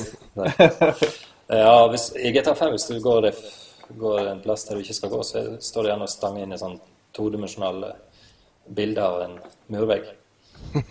Mens eh, i eh, Far Cry så er det som eh, Jon Cato sa, det, det er liksom, hele verden er ekte. måte. Og, og det skjer ting eh, som, som ikke spillskaperne hadde planlagt heller. Og så syns jeg også, selv om den historien ikke er sånn superkul med han der Brody Men så han eh, forfatteren, som jeg ikke husker hva heter nå, han har jo laga et par kule ting der, spesielt de psykedeliske, surrealistiske greiene som de har stappa inn. Livet veldig opp den verden. For det kunne blitt fort blitt veldig sånn pompøs militærfetisjisme, bare slåssing og sånn hele tida. Men det er, eh, det er ganske bra dialog, og, og det surrealistiske overtonene de, de legger en sånn Det er vel noen, ja, det er en kritiker som sammenligna det med, med Alice in Wonderland, tror jeg. Altså at det er en sånn reise for han der Brody ned i en sånn fantasiverden. Ja, det er jo til dels ganske cheesy med cutscenes og sånn, men det, det er herlig. Det var sånn at du kunne, du kunne crafte ting, var det det i det spillet? Så jeg blir jo bare å jage etter griser og inn i den der jækla jungelen. Fordi jeg må liksom gjøre ferdig alt, og det, det spillet der funka ikke i det hele tatt. Men eh, jeg vet jo at det er favorittspillet til mange. I, det kom vel i fjor, gjorde det ikke det? Så Ja, i fjor. et av, et av topp- toppspillene i 2012, så det er greit. Ja, definitivt. Ja, har jeg gjort noe mer? Jeg har spilt uh, Tatt opp en uh, Mud. Ja. Nok en sånn retro-ting. Men uh, Uh, mud. Jeg skulle først teste om, om det eksisterte fortsatt. Og så, etter jeg fant ut at det gjorde det, så skulle jeg teste om det fortsatt var gøy. For unge lyttere, bare kjapt. Mud er da det som var før MMO. Før vi hadde grafikk, så satt man og spilte MMO med bare tekst på skjermen. Ja, eller man gjør det fortsatt. Enkelte av oss. Man gjør det. Ja vel, hva du spiller, hva du står her? Du har spilt Discworld Mud, er det? Discworld med ja. Hva er det basert på Terry Pratchett? Eh, Ja, ja. Det, det foregår i uh, Ankh-Mopork, den uh, superkorrupte byen i Discord-universet. Hva er det, fem, fem stykk som er der, eller hvor mye folk er det på Mud for tida? Det er masse folk nå som for 20 år siden. Ja. Så det er god stemning der. Jeg var, jo, jeg var ganske langt oppe i Thieves Guild for 20 år siden. Og uh, var flink til å stjele fra nybegynnere. Nå er jeg blitt en sånn nybegynner igjen sjøl. Hva slags type mud er det? Jeg husker når jeg spilte, så var det mange forskjellige. Det var sånn Diku-mud. Det var noe som var mer, mye mer sånn RPG-stat-basert, der du må slåss og gå opp i level. Og så var det noe som var nesten rent sånn tekst-eventyrbasert, der du bare skulle løse quests og få gjenstander. Nei, det, det er veldig hierarkisk. Jeg må bruke noen hundre timer for å få eh, gå i ferie. Så Ja, det- hardt, hardt arbeid. Jeg hadde en god venn som het Daniel. Han lagde jo sånne scripts. eh, Han drev og studerte IT på den tida. Så han lagde bare noen scripts-greier. Så hvis jeg bare fulgte etter han, hans karakter, så gikk de i lag. eh, For min karakter fulgte bare han, så gikk de rundt og drepte elg og rabbits og drit i den her Valhall Nei, nei, det var ikke Valhall. Det var Vikingmed. Jo, det var kanskje Valhall. For det var i hvert fall ikke Viking. Men eh, det var jo det var dødsgøy. Men da fikk jeg Det spilte jeg jo i eh, par semester, tror jeg, på Universitetet i Oslo. Det og X-pilot. Så det var det 40 000 kroner ble brukt til en gang på 90-tallet. Ja, jeg syns det er god investering. Ja, Det er kjempeinvestering. òg fint hvis du er programmerer, eller sånn, så ser det ut som du programmerer, for en som ikke har peiling. Ja, det er lett Det å er skjule. egentlig bra å kombinere med familieliv hvis du har sånn kjerring som skal passe på. Ja, og lett, lett å skjule for sjefen òg, hvis du sitter i sånn åpent landskap. Ja visst. For det er bare hadde nord og sør og øst og vest eh, fremdeles. Er det det? Ja, ja. Du kan Ja. forkorte med forbokstav. Ja, ja da. Men vi hadde jo en felles venn, eller vi har en felles venn, Lars, som heter Frank. Og han var jo møddkonge på 80- og 90-tallet. Han, han husker jeg spilte Dikumødd, og lag, han hadde også et sånt skript da, der uh, han hadde et helt party han gikk med da, og så visste han at du ble heala ett poeng det siste sekundet i hvert minutt. Det var da spillet ga deg ett hit- hitpoints. Så når de figurene bare gikk rundt i grotte, så når det kom til 58 sekunder, så la alle seg automatisk ned og sove, og så våkna de ett sekund etter, for da fikk de et hitpoints. Så, for da slapp han å skrive 'sleep' og så vente i ti minutter til de var heala. så det, det handla like mye om å utnytte systemet som å skape en eh, følelse av å være der, følte jeg da. Ja, nei, jeg husker det var Folk drev vel og gifta seg etter å ha blitt møtt i, i eh, sånn her eh, World of Warcraft og sånt. Men det gjorde de òg på den tida der i Mud-verden, husker jeg. Det var jo fest online, og det var Man samla for å liksom feire ulike ting og bare var på et eller annet torg og chatta med hverandre. Fullstendig uten grafikk. Det må jo høres helt sykt ut for eh, ungdommer i dag. Ja, det er kanskje litt sykt. Det funker fortsatt. Du da, Lars. Hva, har du fått spilt nå i flyttinga? Ja. Eh, jeg og Jens snakka litt på forhånd. Vi tenkte vi måtte ha noe sånn her eh, litterær rødvinsspill. Eh, så jeg fant det her eh, Device 6, Som Ja, er lagd av Simogo, som også lagde Yearwalk og Det hva det heter der, Sneak Bandits eller et eller annet sånt. Ja, Mm. Veldig hyggelige svensker. Og det må jeg si er kjempeopplevelse å spille, altså. Det er, det er en blanding av tekst, eventyr eh, og puzzle, kan man si, egentlig. Jeg har prøvd det. Med sinnssykt, ja, med sinnssykt design. Og det ser ut som han der Bass Lurman som lagde introa til eh, eh, hva det heter, Hitchcock-filmer. Veldig sånn stiliserte eh, greier. Introen er veldig stilig, f.eks. Og ja, ja, ja. Stort sett det er da på IOS, og det kommer sikkert på Android etter hvert. Ikke Lurman. Det var Solbass. Bass. Soul Bass! Lurman er hvem? Regissør av eh, spektakulære homofilmer. Ja, ja, ja, unnskyld. Ja, Saul Bass, unnskyld. De ligner litt på hverandre. Ja. Nei, det, det, det er veldig mye tekst, og det er først så er det som å lese en bok, men så kommer det kanskje noen bilder og videosnutter, og alt er veldig mykt og gjennomført, og så plutselig må du snu greia. Hvis du går opp en trapp, f.eks., så må du snu eh, paden og hit og dit. Og så er det masse hints, og så er det masse puzzles og liksom knapper du må se. og Plutselig får du en slags brille som gjør at du ser verden på en helt annen eh, måte. Og det var eh, fantastisk stemning. Utrolig bra lyddesign, og teksten er greit skrevet. Den er kanskje ikke verdens beste, men jeg er litt usikker fremdeles på om noen av passasjene er skrevet litt sånn rart med vilje, eller om det liksom er, er ikke dårlig, da. Men noen ganger så er det litt merkelig. Men eh, jeg må si det har virkelig fenga.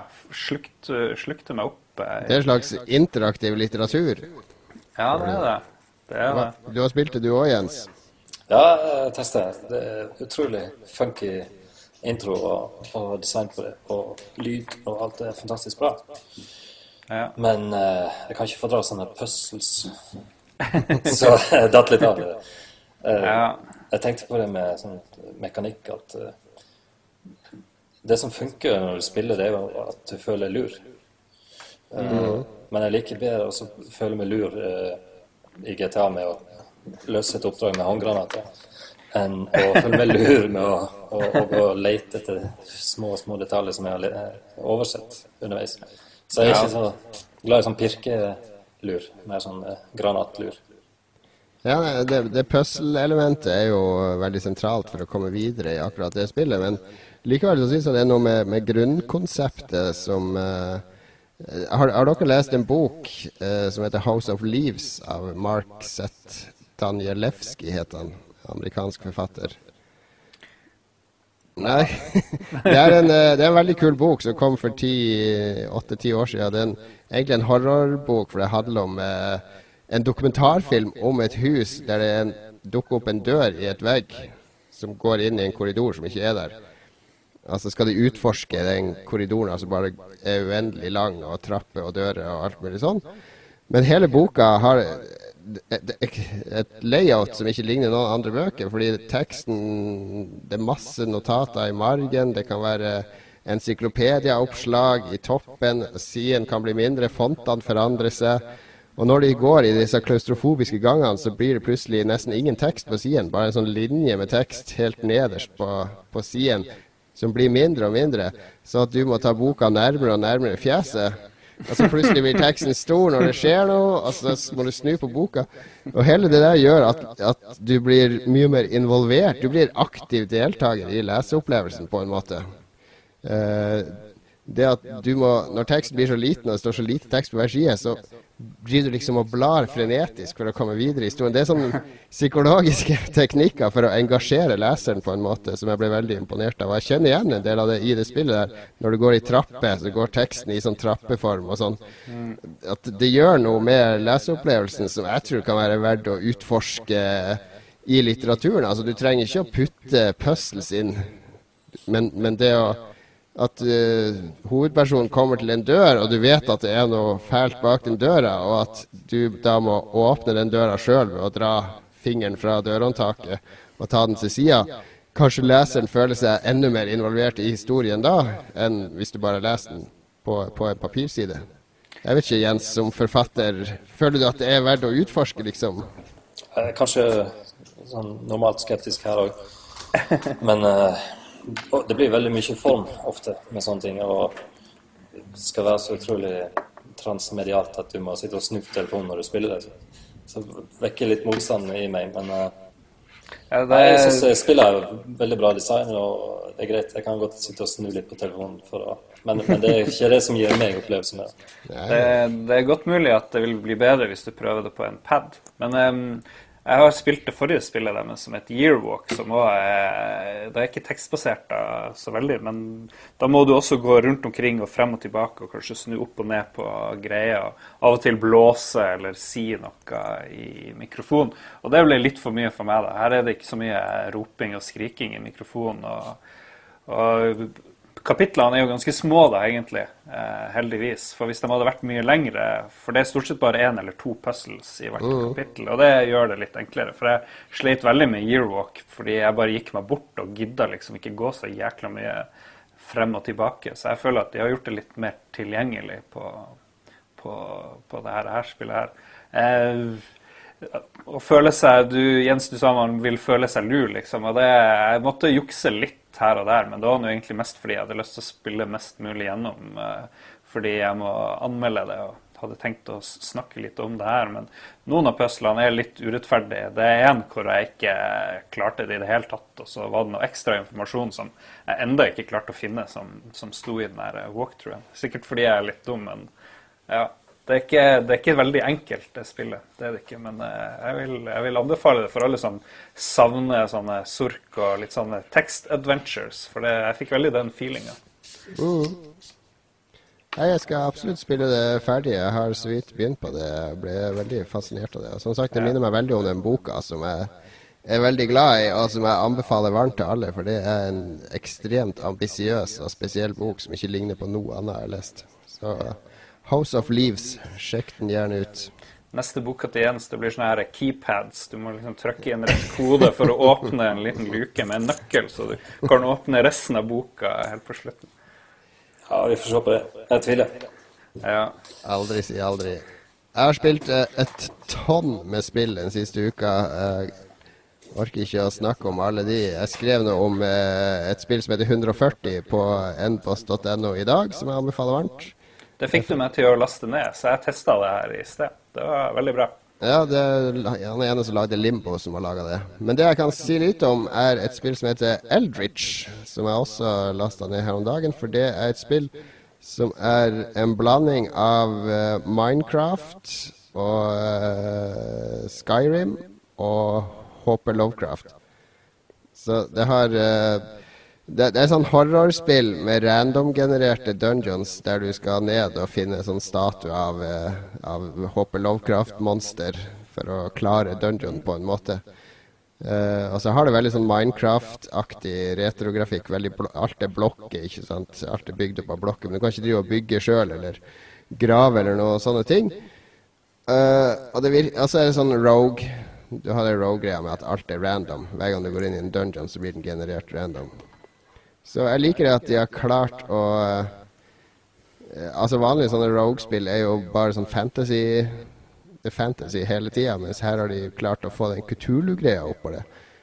Og den stemninga har de naila veldig, fordi den musikken er liksom uh, sånn ustemt elektrisk gitar som slår noen sånne chords av og til, med litt sånn grynting og stønning i bakgrunnen. og Veldig sånn foruroligende, ubehagelig stemning. Og de har til og med varpa teksturene på, på grafikken. Hvis, husker, hvis, dere husker PlayStation 1, så hadde det et veldig problem med 3D-grafikken. At når du var i nærheten av vegger og sånn, så ble ofte eh, teksturene på veggene de ble sånn forvridd og forvrengt. Eh, fordi den ikke håndterte noe som heter set-buffering, hvis jeg skjønte rett. Men den effekten har de lagt til her, da, så at når du går i nærheten av vegger og sånn, så så blir liksom grafikken skeiv. Det, det, føles som det er noe feil. Det er den der uh, utenomjordiske arkitekturen som Håper Lowcraft brukte å skrive om, som var så grusom å se for mennesker som ikke kunne fatte den. Så de, de har gjort mye riktig, men det, det, etter å ha spilt en time eller et par timer som jeg har spilt, så uh, Jeg føler det må gi meg litt mer, for jeg føler jeg har liksom utforska nesten alt i spillet allerede.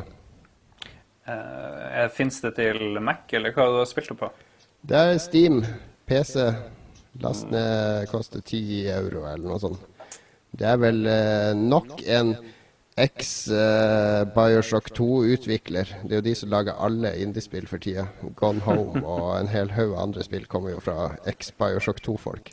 Ja, jeg lasta ned Gone Home i sted. Det er 50% på Steam nå. Så det er bare å løpe kjapt. Nei, men hvis det har noe med Kutulu å gjøre, så er jeg jo selvfølgelig med. Det er Ja.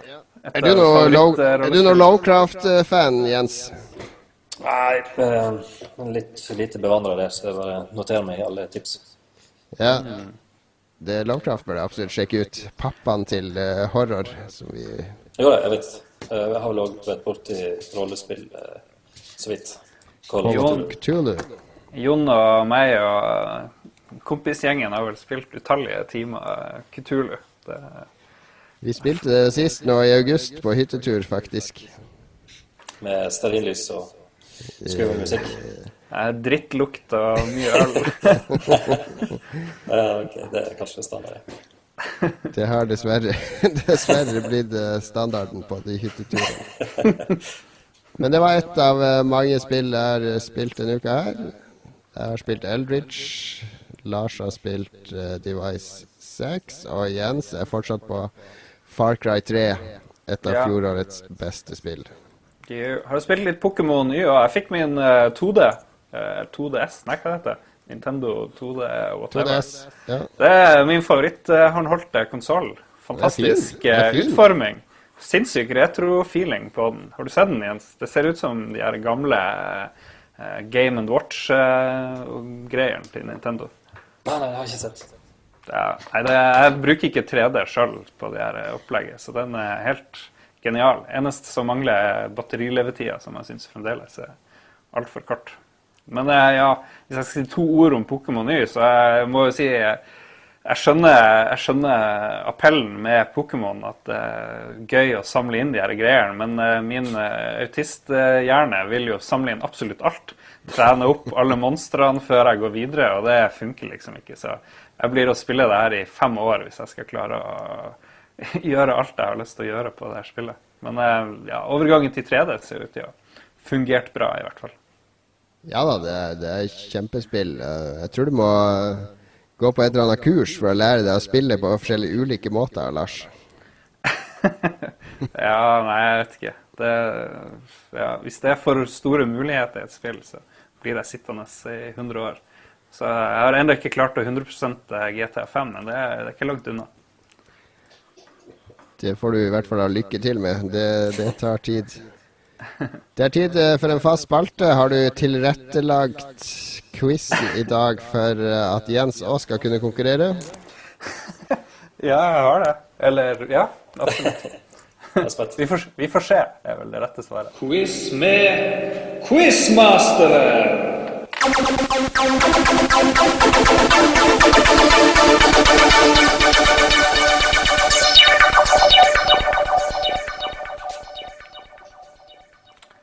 er jo verdens beste jingle. Det er bra. Skal vi se um, Vi kjører bare på. og Det, I dag så har vi halvert antall spørsmål. Det tok litt for lang tid sist. Eh, vi gidder ikke å, s- dere trenger ikke skrive ned, eller dere kan skrive ned hvis dere vil, men dere svarer inn i hodet deres. Og så tar vi det etter hvert eneste spørsmål, så tar vi og hører hva dere eh, har for svar. Så noterer jeg poengscoren eh, fortløpende. Skal vi svare annenhver gang, da? Først. Ja da, det Ja, jo. Det er æresak. Vi er menn av ære, så hvis vi ikke vet det, så vet vi det ikke. Enn så lenge. Jeg vet ikke med Jon, men jeg vet at Jens er mann av ære. Skal vi da Spørsmål én. Hva står K for i Jens K. Styve? Nei, det er tuller bare. Men jeg lurer på spørsmålet. Hva står K-en for? Jeg må spørre Jon Cato. Ja, ok, Jon. Hva står Det, K? det står for uh, altså, Det står på Wikipedia-sida di, Jens, som jeg så på i dag, men jeg husker ikke Klausen Kjartan. Kjartan, ja. Kjartan. Ok. Får jeg poeng Ja. på det? Det, var, det får du poeng for. Nei, du får ikke poeng, men det var en Jeg oppvarming. oppvarmingsrunde. Ok, vi begynner, vi begynner soft. Du, kjapt sidespor her, fordi alltid når jeg leser Wikipedia-sider på norsk om folk jeg har møtt, så lurer jeg på Jens, har du vært inne og skrevet på den sida sjøl? Ja, jeg har det faktisk. For det. det, det var jo feil, alt som sto der. Så rydde litt opp. Men du har ikke laga den? Har du oppretta den sjøl? Ja, jeg har kanskje Det er helt, det er helt legitimt. Jeg var bare nysgjerrig. jeg Var bare nysgjerrig. Nei, jeg har faktisk ikke det. Har du, ja? eh, Jeg har etterpå. Har du, Wik- Ok. har du Wikipedia, sier du, Jon? Nei, jeg har ikke det. Jeg sjekka om det fantes igjen, men jeg, jeg, jeg, har ikke, jeg tør ikke å lage det sjøl. Det syns jeg blir uh, Der går grensa. Jeg får uh, kan oppfordre en av lytterne våre til å lage en uh, Wikipedia-side om både meg og Lars. Nei, Jeg kan, jeg kan fikse det. Jeg har konto der, så. Yes, jeg gleder meg til å se. Da har vi fiksa det, Lars. OK. Lag en om Lolbo Da- òg i samme slengen. Ja, selvfølgelig. Ja, selvfølgelig. Er nok derailing her. Skal Kjør på? Lars. Beklager. Quiz med quizmaster. Spørsmål 1. Vi begynner soft. Nytt OS eh, kom ut for Mac eh, i går. Hva heter det OS-et? Tenk på svaret, lagre svaret inn i hodet, og så tar vi og spør Jon Nei, vi spør Jens først. Jeg husker det faktisk. Jeg husker det faktisk. Husker det? Skal jeg svare? Skal jeg svare? Ja. Jeg tror det heter Maverick. Jeg tror det heter Maverick. Eh, Jeg tror det heter Mavericks. Ja, det er, nært nok. Det er nært nok. Ett poeng til begge. Mavericks er korrekt. Bra, bra. Det er det tiende utgave av det nye operativsystemet, og det var gratis. Jeg er jo litt sånn Mac-hore, så jeg satt og fulgte med på den der eh, Jeg har lasta den ned, det òg. Så ja. Nei, jeg er fornøyd med min, eh, min eh, Jeg vet ikke hva jeg skriver på. Mac, Din nye Mac Maverick. Mac Maverick. Nei, jeg har ikke lasta den ned. Skal vi da, Spørsmål to.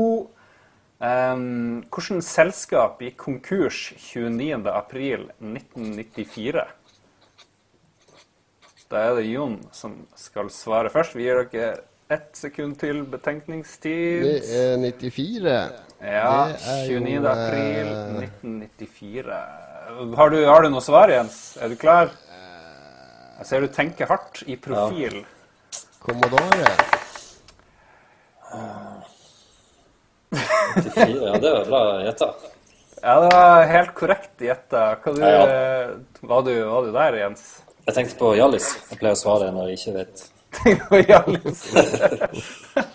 nei, nei, nei, nå går det helt galt. Skal Jon vinne igjen? Ok, men vi har noen, vi har noen eh, bra spørsmål igjen her. Skal vi se. Spørsmål tre.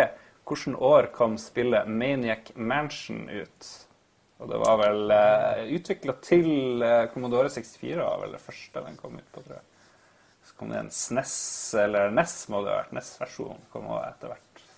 Eller ja, er riktig, ja. det.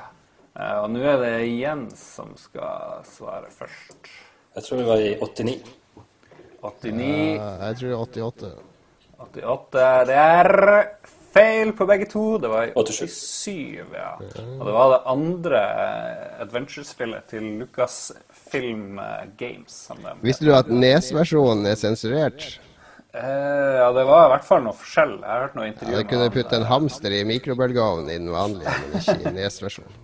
Ja, det var noe sånn her eh, game-breaking shit i det der Maniac Mansion, hvor Ja, det ikke. Hvor du kunne gjøre ting, og så kunne du ikke eh, fullføre spillet hvis du var litt Riktig, riktig. Ok, og nå skal nå, Det her er Jens spesialspørsmål, så nå er jeg litt okay. spent her. Um, og da er spørsmålet Hva gjør kommandoen Poke 53281 på Commodore 64? 53, 82. Ja, det er en, en av de mer kjente pokene på Commodore Er det? Ja. Du kan følge den opp med masse tall fra 1 til uh, i hvert fall 10 16. eller noe sånt. 16. Ja, sikkert. Det skifter, farge på et eller annet. Ja, du er inne på du er inne på Hvem var det som skulle svare? Bakgrunnsfarge.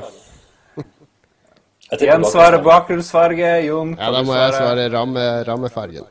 Åh, Jens har rett. Ja. 53280 er rammefarge. Jon. Ja, ja, ja. ja. Da er det Da er det Ja, skal Det er koden. likt. Det er koden på visakortet mitt, forresten. Da vet vi hva vi skal stjele neste gang vi møtes. All right. OK, da er det siste spørsmål, og det kan bli utslagsgivende. Nå kan eh, Jon tape her for første gang i quiz med Quizmaster. Skal vi se Hva er Og nå skal Jon svare først, tror jeg. Hva er Timberland, Battle Creek, Sidewinder og Damnation eksempler på? Uh, det er uh, joysticket. Det er joysticket. Hva sier Jens? Hva sa du? Timberland, Battle Creek? sa, Timberland, Battle Creek, Sidewinder og Damnation. Nei, det er ja, jeg, ja, greit. Er det er for seint! For Jeg er. seint. Nå har jeg sjansen. Eh, eh, sko. Kan jeg svare på nytt? Kan jeg svare på nytt? Kan jeg få endre svaret mitt? Uh, du kan ikke svare på nytt, nei. Det er korrekt. eh, Begge har feil. Det er kart i Halo. Ja, jeg Det kan. var, det var en Det var en gavepakke, det. Det var en gavepakke som du, du Men da er vi i den unike situasjonen første gang her at vi er likt. Skal vi se, dere har én, to Dere har to poeng hver, har dere det? Jeg tror det er ett hver. Jeg tror jeg er tre. Nei, skal vi se Jon To du, du, du, du, du. Ja, faktisk. Jens Jens Det er vanskelig å telle inn. Ja, hvis vi tar med hva står K-en for Jens Kåss Styve, så leder du i hvert fall. Skal se, du hadde rett på eh, Mac, og du hadde feil på konkursen, og du hadde feil på Manic Matchen, og du hadde rett på Poke, så det er 2-2 faktisk. Nei, skal vi se Ja, det er 2-2. Da må vi ha et uh, tiebreak-spørsmål her. Mhm. Skal vi se. Da blir tiebreak Skal vi da rope navnet vårt hvis vi skal svare? Så det er den som eh, roper først, får svaret. Eh, OK. Ja, vi kan gjøre det. Har du, eh, har du bitte litt musikk her, så jeg kan uh... Jeg har uh, Ja, jeg har jo det. Litt tenkemusikk. Litt tenkemusikk. Skal vi se Jeg har det klart her. Jeg må bare finne Er du en quizer, Jens? Uh, ja, jeg har vært på quiz av og til. Ikke spillquiz, Nei. Helt normal quiz. Den eh, spill, eh, vi har holdt på med den spillquizen i to og et halvt år nå, og til hver quiz så lager vi 30 oppgaver, gjerne med deloppgaver. Og det er hver måned, så vi har en ganske anselig database med obskur spilltrivia som vi har samla opp. OK, da er jeg klar for eh, tiebreak. Tiebreak time. Det var jo fint med den musikken, da. Det, ja. Skulle gjerne hatt den i bakgrunnen her. Men eh, nå skal vi spørre Si en karakter, og så skal dere si hvilken spillserie eller spill eh, vedkommende er fra. Riktig. Er dere klar? Da sier jeg navnet, og så skal dere si hvordan eh, Ja, da roper vi navnet vårt hvis vi vil svare. Så, det, så må du vurdere hvem du hørte først. Ja, jeg skal gjøre det. Eh, Du du vet da jo mange her Jon vil absolutt klare. Skal vi se skal vi? Det, det handler ikke om å finne noe som jeg ikke klarer å svare på. Altså. Selvfølgelig gjør det det. Uh, vi prøver oss på Chris Redfield. Eh, Jon. Er re, re, Resident Evil. Ja! Jeg hadde Chop Chop Master Onion også klar her. Så, og det hadde du i hvert fall klart. Det, det hadde jeg klart, det òg. Nei, men det er, eh, var, var nervepirrende, i motsetning til forrige gang, når det var ren overkjøring. Så uh, Jens har vært den mest verdige contenderen så langt. Ja, med, med god hjelp. Men uh, hvis du skal få Jon Cato til å tape neste gang, så må du nok lenger vekk fra sp- spillsjangeren. Jeg tror det. Det var quiz med quizmasteren. Det er det på tide å snakke om et av verdens beste spill. Det er Retrospalten. Det er min tur i dag, og vi skal snakke om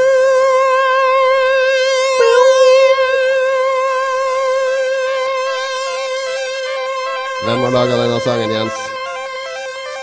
Uh, Martin uh, Ja, husker ikke. Martin Galway, Yes. Som er sønn til uh, den kjente fløyteimpressionarien James Galway. Lærte i Sensible Software-boka mi i dag. Uh, nei, det er Martin Galway. Han lagde den til spillet Whizball, som kom på Commodore 64 i 87, var det vel. Uh, det, det andre spillet til Sensible Software, som er De var mest kjent på Amiga for Cannon Fodder og Sensible Soccer.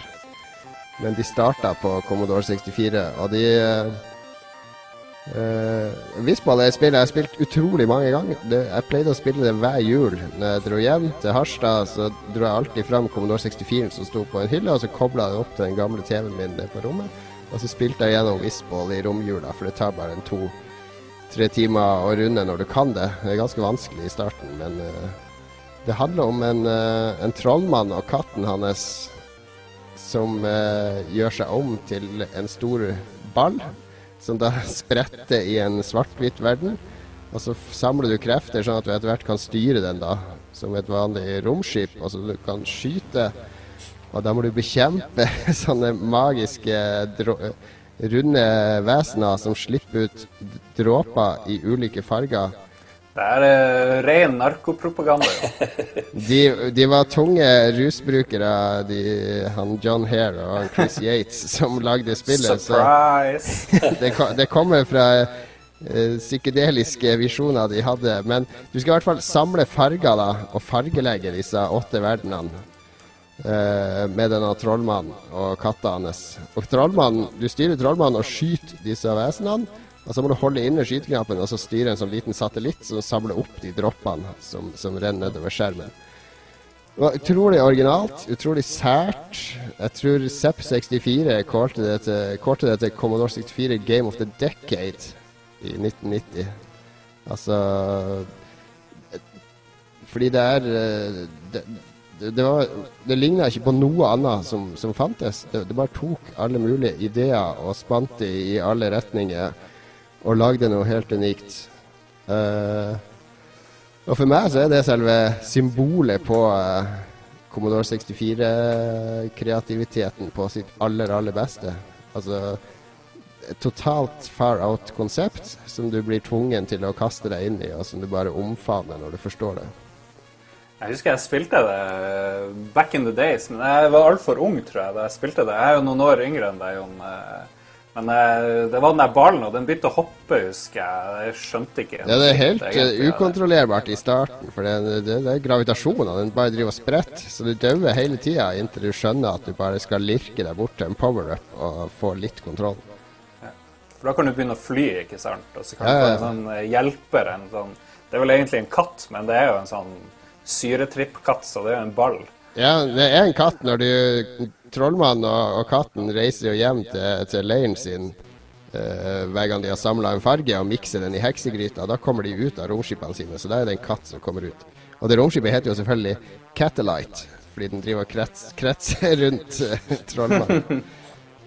Veldig tidlig Lolcat. Uh, en av de tidligste Lolcat, tror jeg. Er beviselig. Men det er uh, det er et spill som holder seg i dag. Det er faktisk laga en, uh, en, gruppe folk som har dedikert seg til å remake gamle klassikere. Og Det er laga en veldig sånn uh, verdig remake av det med oppdatert grafikk, og som er nesten helt identisk sånn gameplay-messig med Jeg sa det. Den kom i 2007 eller 2008 ja. eller noe. Er den verdt å spille? Ja, den er faktisk uh, helt på høyde med, med originalen. Men jeg, jeg, jeg, må jo sverge til originalen fortsatt, men det er fordi jeg har så mye det er så mye juleminner som kommer på ikke sant, når jeg spiller det. Det er andre juledag nede på rommet, venter på mat oppe, og julegavene åpner. Og... Mye nostalgi, men uh, i dette tilfellet så er det også et kvalitetsspill. Har du spilt det, uh, Jens? Ja, jeg husker det så vidt. Jeg husker jeg likte det veldig godt. Uh, det er vel litt sånn oppvisning i mekanikk at her må spilleren lære seg logikken i verden gradvis. Mm. Det var kanskje litt sånn Braid eh, fra 80-tallet. Mm. Ja, ja, jeg ser, ser den sammenhengen. Så var det teknisk avansert òg. Det var vel eh, såkalte border sprites, som jo var all the rage på Commodore 64 den gangen. Det gikk jo ikke an å plassere noe ute i ramma der, egentlig. Men eh, det klarte de i det spillet. Mm. Så det var ukens mimrestund. Whizball. Du har ikke fått din sønn til å spille det? Eller en av dine sønner til å spille det?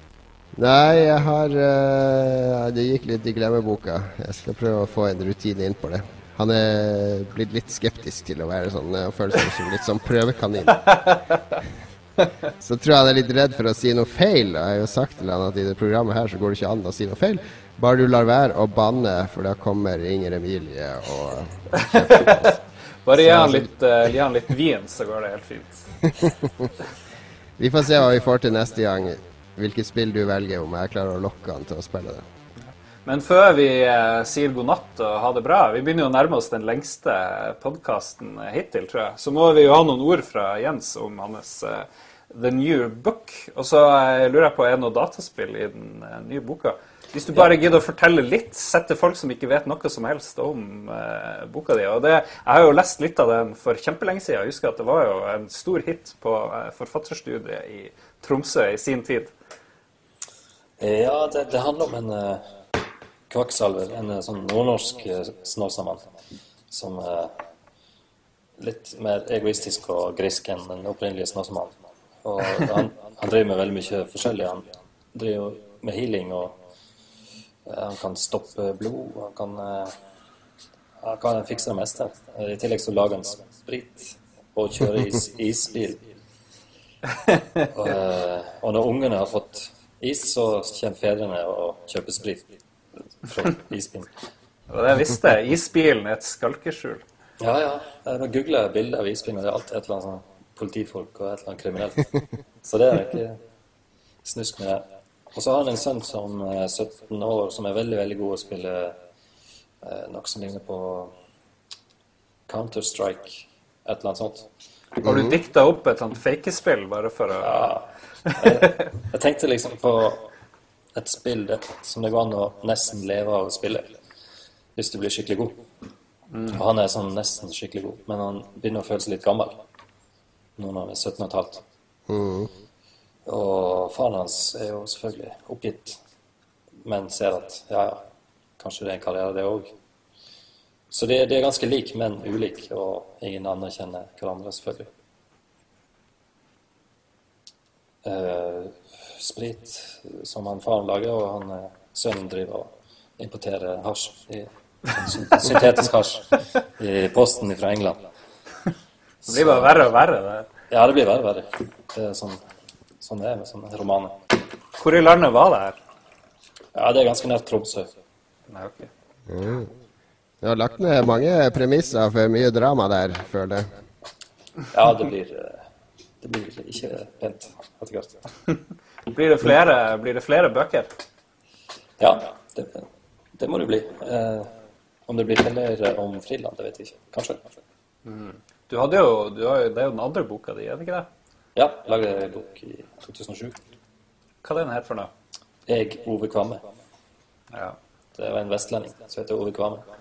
Jeg var på Ark her i Alta for å lete etter Fridland, men de hadde den ikke. Så jeg, jeg tenkte jeg skulle lese den til sendinga, men, men Men er i 20 den er i som eh, er e-bok òg, Jens. Den er jo på sett og vis der. Den er på iBooks, så hvis du vil lese bok på iPad, så kan du Det må ha den over på Kindle med de tri trikseriene til Det er vel Cappelen Dam og noen andre som har sånn Ja, sant. trikserigreier. Men uh, det høres spennende ut. Jeg skal i hvert fall sjekke den ut. Jeg regner med jeg finner den i Oslo. Den kommer vel i Alta til neste år. Kjør det! Moron. Ja, den skal finnes i bokhandelen, hvis du leter godt. De, de setter den litt vekk, tror jeg. Den her Nord-Norge-hetsen vil jeg ha meg frabedt. Hva er det for noe?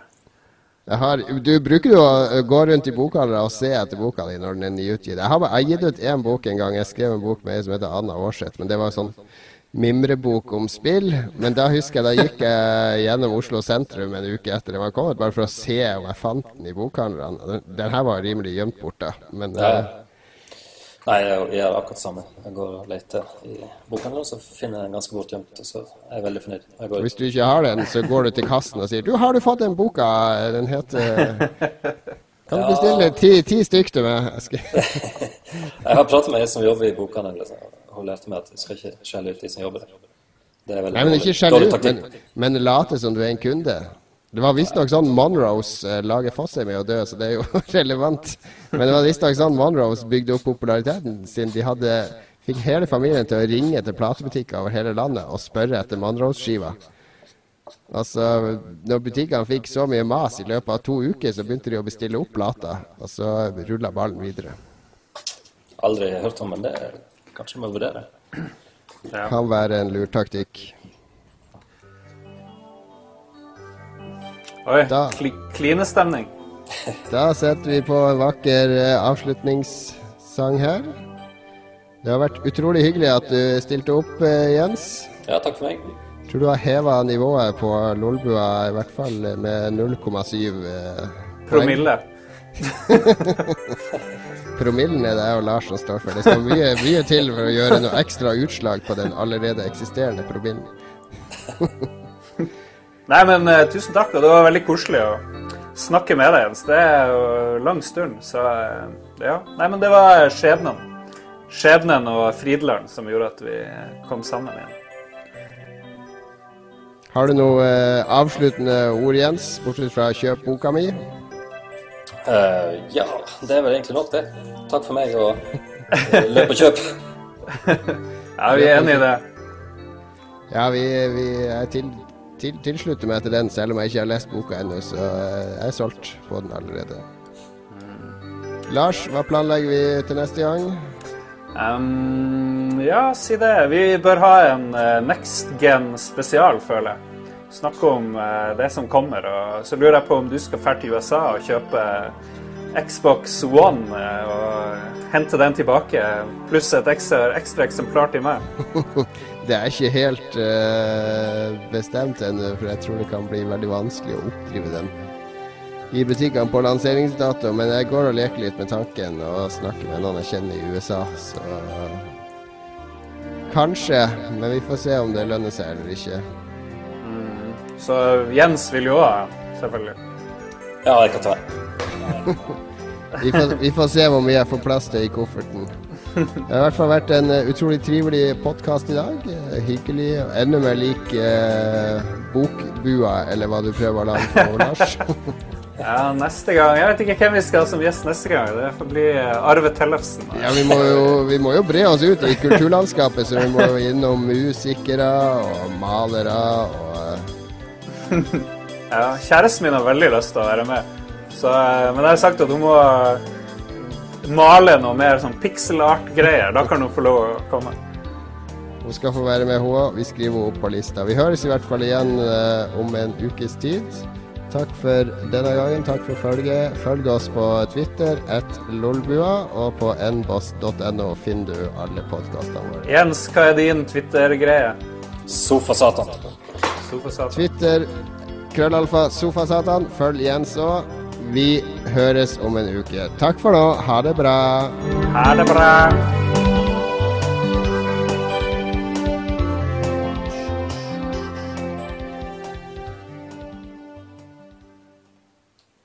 Har du et enkeltpersonforetak eller en liten bedrift? Da er du sikkert lei av å høre meg snakke om hvor enkelt det er med kvitteringer og bilag i fiken, så vi eh, gir oss her, vi. Fordi vi liker enkelt. Fiken superenkelt regnskap.